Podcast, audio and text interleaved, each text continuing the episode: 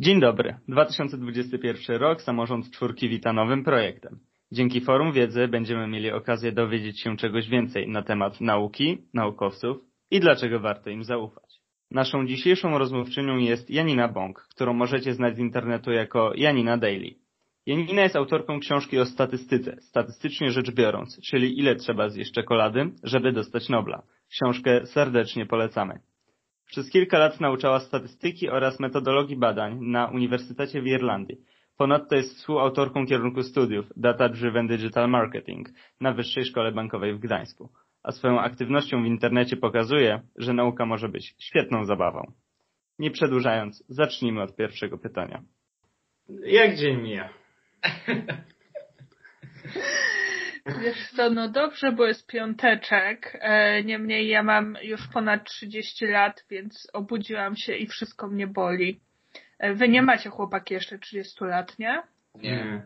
Mhm. To zobaczycie o czym mówię. To jak, jak już was potrąci ten pędzący rydwan czasu, to już później wiecie. Degrengolada. No, ale poza tym spoko. Dobra, to super. To już możemy zacząć.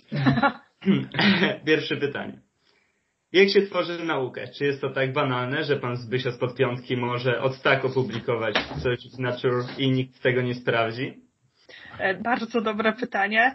E, ludziom się tak trochę wydaje właśnie, że z jednej strony, że oni mogą tak przeprowadzić badanie, że spytają sobie pięć osób, e, ale na fejsie, czy nawet pięć osób podczas rodzinnego obiadu i i już, i to jest e, jakieś badanie, któremu można ufać, a z drugiej strony tak, ludziom właśnie się wydaje, że naukowcy to jest taka podkupiona grupa, która w sumie może sobie wymyślić cokolwiek, opublikować i wszyscy mają temu ufać.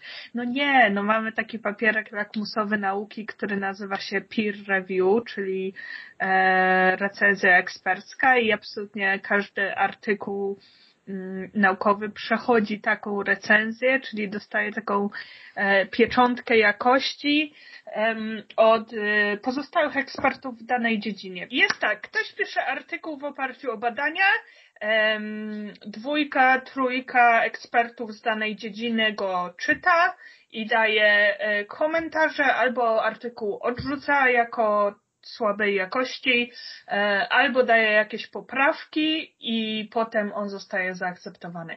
Więc to nie, to nie jest tak, że ja sobie coś wymyślę, a w ogóle to, że dzisiaj wymyślę sobie jakiś lek, a jutro on będzie w aptece. No, no nie. Czy w takim razie są jakieś inne narzędzia, e, oprócz tego peer review, o którym wspominałaś, dzięki którym możemy być przekonani e, o prawdziwości tego, co mówią naukowcy?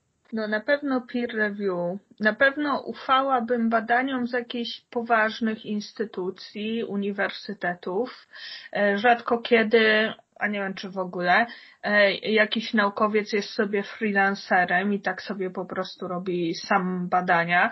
Najczęściej jesteśmy częścią większej albo grupy badawczej, albo organizacji, to nie jest tak, że nie zdarzają się nierzetelni naukowcy, bo, no nie wiem, na przykład cały ten ruch antyszczepionkowy zaczął się od naukowca, lekarza, który był oszustem i zwyczajnie sfabrykował wyniki badań i one były też bardzo liche metodologicznie. Więc zdarzają się takie sytuacje w nauce, ale ja lubię ludziom przypominać, że to jest po prostu grupa zawodowa jak każda inna i tak jak mamy, nie wiem, dobrych lekarzy, uczciwych lekarzy, lekarzy i takich, którzy no, przynoszą wstyd temu zawodowi, jak mamy dobrych nauczycieli i ich złych, no po prostu to, to, to te same prawa obowiązują we wszystkich grupach zawodowych, więc tak, no czasem mamy nierzetelnych naukowców, ale jeśli nie zaufamy nauce, to co mamy w zamian? No niewiele, właśnie opinię tego pana Stasia z podpiątki. A czy w takim razie eksperci są naprawdę ekspertami? Czy są nimi w każdej dziedzinie i nigdy się nie mylą? Oczywiście, że się mylą i e, wiecie co, właśnie istnieje coś takiego jak efekt autorytetu, że wydaje nam się, że jeśli ktoś jest ekspertem w danej dziedzinie, to później jak wypowiada się na zupełnie inny temat, to temu też e, ufamy i nie mamy takiej myśli w głowie, okej, okay, może to trzeba zweryfikować. I no to tak nie działa, to pandemia jest świetnym przykładem, kiedy nagle mnóstwo piosenkarzy jest specjalistami od wirusologii i epidemiologii. I co ciekawe, no, no bo to już pół biedy, nie? Że tam Edyta Górniak odbiera sygnały z kosmosu. Mnie bardziej niepokoi, no, znaczy dobra, nie pół biedy, bo ona jest bardzo szkodliwa, bo mówi bardzo szkodliwe rzeczy, ale um, mnie bardziej niepokoi to, że gdy kiedyś napisałam właśnie o tym post, że no halo, nie możemy ufać kwestii medycyny Edycie Górniak i innym, no ta lista jest znacznie dłuższa, e, to część ludzi się strasznie oburzyła i powiedzieli, że ej, ale nie możesz jej krytykować, ona jest wielką piosenkarką. I ja tego nie podważam. Jest wielką piosenkarką, więc ma pełne kompetencje, żeby się wypowiadać w temacie śpiewu, ale to nie oznacza, że może się wypowiadać na każdy temat, a my mamy jej przyklaskiwać. E, no i mówię o tej Edycie Górniak, y, ale to jest przykład. Niestety, no mamy więcej takich właśnie celebrytów, którzy no, wykorzystują zasięgi, ale nie tak jak trzeba. To w takim razie jak możemy sprawdzić, z kim mamy do czynienia i czy warto Wiesz co, ja mam taką checklistę zawsze. Je, jeśli natrafiamy na jakieś badanie, to przede wszystkim ja bym chciała wszystkich namówić, żeby zawsze szukać artykułu źródłowego. E, bo jeśli to badanie jest cytowane przez media, no to ono czasem bywa zniekształcone. Czasem niecelowo, po prostu dziennikarzowi brakuje jakiejś wiedzy i, i, i popełnia jakiś błąd, ludzka rzecz. Czasem celowo o tyle, że y, wiecie, ten, to badanie jest takie podrasowane, ten nagłówek jest taki, żeby się klikał, więc zdecydowanie jestem zwolenniczką szukać tego badania oryginalnego. Nie zawsze jest to niestety możliwe, ale ja, ja sobie sobie robię właśnie taką zawsze checklistę, żeby sprawdzić, kto jest autorem tego badania i jego afiliację, na przykład uniwersytecką, sprawdzić, kogo zbadano i jak wiele osób zbadano. Jeśli to była próba reprezentatywna, czyli taka, że, że wiecie, możemy wygeneralizować wyniki na całą populację, to to też jest zawsze jasno zaznaczone. Zapytajmy, jak badano, czyli nie wiem, czy użyto ankiety, wywiadów, czy czegokolwiek innego. No i przyjrzyjmy się tym wnioskom, czy, czy, e, czy naprawdę tam wszystko gra, czy na przykład, nie wiem, mamy wnioski o, o tym, że istnieje korelacja między dwoma rzeczami, ale w przekazie medialnym już się pojawiło, że jest związek przyczynowo-skutkowy. No, tak, trochę czytając każde badanie musimy być e, no czujni, czujni. A jak to jest być naukowcem? Myślę, że w tym kraju bardzo trudno. E, ja pracowałam naukowo na uczelni w Irlandii Później celowo nie zdecydowałam się pracować na uczelni w Polsce.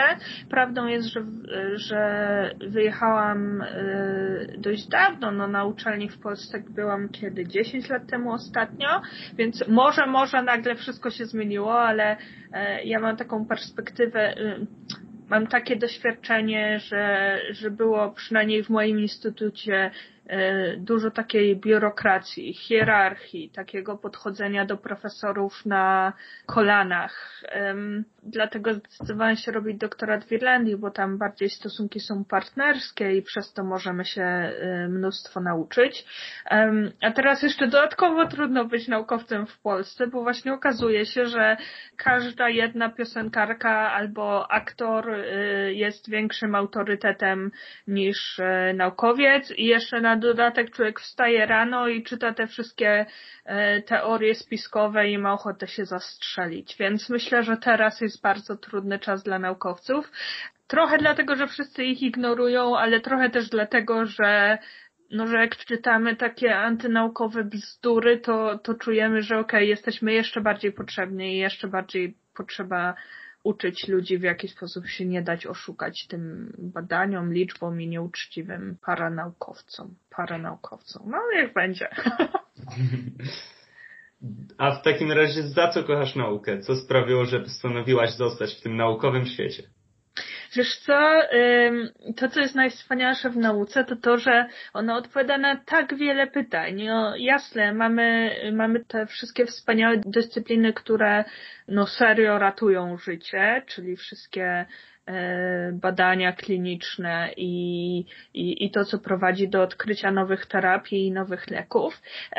No a z drugiej strony mamy wspaniałe nauki społeczne, które pozwalają nam trochę zrozumieć otaczający nas świat. No generalnie nauka potrafi odpowiedzieć na całe mnóstwo pytań, nawet na takie, które wydają nam się trochę dziwne, ale no potrafimy sprawdzić, czy owca rozpoznaje twarze innych owiec i okazuje się, że tak. Albo że jeśli porównamy grupę kurczaków i studentów i pokażemy im zdjęcia różnych twarzy, to y, kurczaki mają mm, dokładnie takie same pojęcie piękna jak studenci. Dziobią w te same zdjęcia, które studenci tam oceniają jako bardziej atrakcyjne. No więc nauka jest fascynująca, wystarczy się tylko temu przyjrzeć. A czy w takim razie spotkałaś się z krytyką za zbyt naukowe podejście? Za zbyt naukowe podejście chyba nie, ale bardziej inaczej, że ktoś mnie na wstępie dyskredytuje jako osobę pronaukową, bo mówi, że okej, okay, dobra, to znaczy, że i tak jestem podkupiona. To to się zdarza, zwłaszcza w dyskusjach właśnie obecnie o szczepionkach, o pandemii, to, to tak, to bardzo często dyskusja się kończy tam, e, gdzie, gdzie ja mam podejście pronaukowe i, i, i po prostu ktoś uznaje dobra, czyli nie ma co dyskutować, bo, bo jestem podkupiona, jestem częścią spisku, e, marzę o depopulacji ludzkości. Jako ludzkość wiemy już wszystko. Ach, nie, nie wiemy i to jest najwspanialsze. Nie wiem, czy w ogóle kiedykolwiek dojdziemy do takiego momentu, nie mówiąc już o tym, że wiedza się cały czas deaktualizuje. W sumie nie deaktualizuje, tylko aktualizuje na nowo. W sensie, że co jakiś czas odkrywamy nowe rzeczy, albo okazuje się, że e, okej, okay, może coś tam w przeszłości źle zinterpretowaliśmy, że jakby ja zawsze mówię, że nauka oznacza, że nigdy nie jesteśmy pewni, że, y, że cały czas szukamy, że nigdy nie stawiamy kropki na końcu zdania, tylko cały czas właśnie jakby jesteśmy otwarci e, na to, co będzie dalej. Więc nie, zdecydowanie nie wiemy wszystkiego, ale właśnie to jest e, ekscytujące. A w takim razie, jak przekonać nieprzekonanych? Ja zawsze mówię tak, bo bardzo często właśnie niektórzy mnie o to pytają. Na pewno próbować, na pewno próbować przedstawiać racjonalne e, argumenty, oparte o fakty, ale też o materiały źródłowe, żeby nie było, że e, dzień dobry ludzie, ja tu przychodzę głosić naukową nowinę, a wy mnie słuchajcie i uwierzcie na słowo. Więc dyskutujmy, dyskutujmy w oparciu o źródła naukowe, dyskutujmy bez pogardy. Ja właśnie bardzo się próbuję, bardzo próbuję przekonać ludzi, że no, że nie możemy kogoś obrażać i dziwić się, że nie chce nas słuchać, że jakby e, jeśli rozmawiamy z kimś, niech to będzie ktoś, kto ma wątpliwości dotyczące szczepionek e, i od razu zaczynamy tę rozmowę z perspektywy ja jestem mądrzejszy, wiem lepiej, a ty jesteś durny, bo nie wierzysz w szczepionki, no to nie dziwmy się, że ludzie nie chcą nas słuchać i nie chcą dyskutować. Więc pozbądźmy się pogardy, pozbądźmy się poczucia wyższości i próbujmy dyskutować. Niemniej zawsze też powtarzam, że no, no zdarza się, że, że już kończą nam się argumenty. No na przykład w, w przypadku teorii spiskowych tak jest. Jak ktoś mi mówi, że Bill Gates zaplanował depopulację, no to jak ja udowodnię, że to nie jest prawda? No trochę kończą mi się argumenty, więc y, zawsze wtedy mówię, że próbujmy rozmawiać, ale jeśli już w pewnym momencie dochodzimy do ściany, to chyba lepiej się wycofać e, dla własnego, dla własnej równowagi i dla własnych e, emocji, żeby się nie szarpać.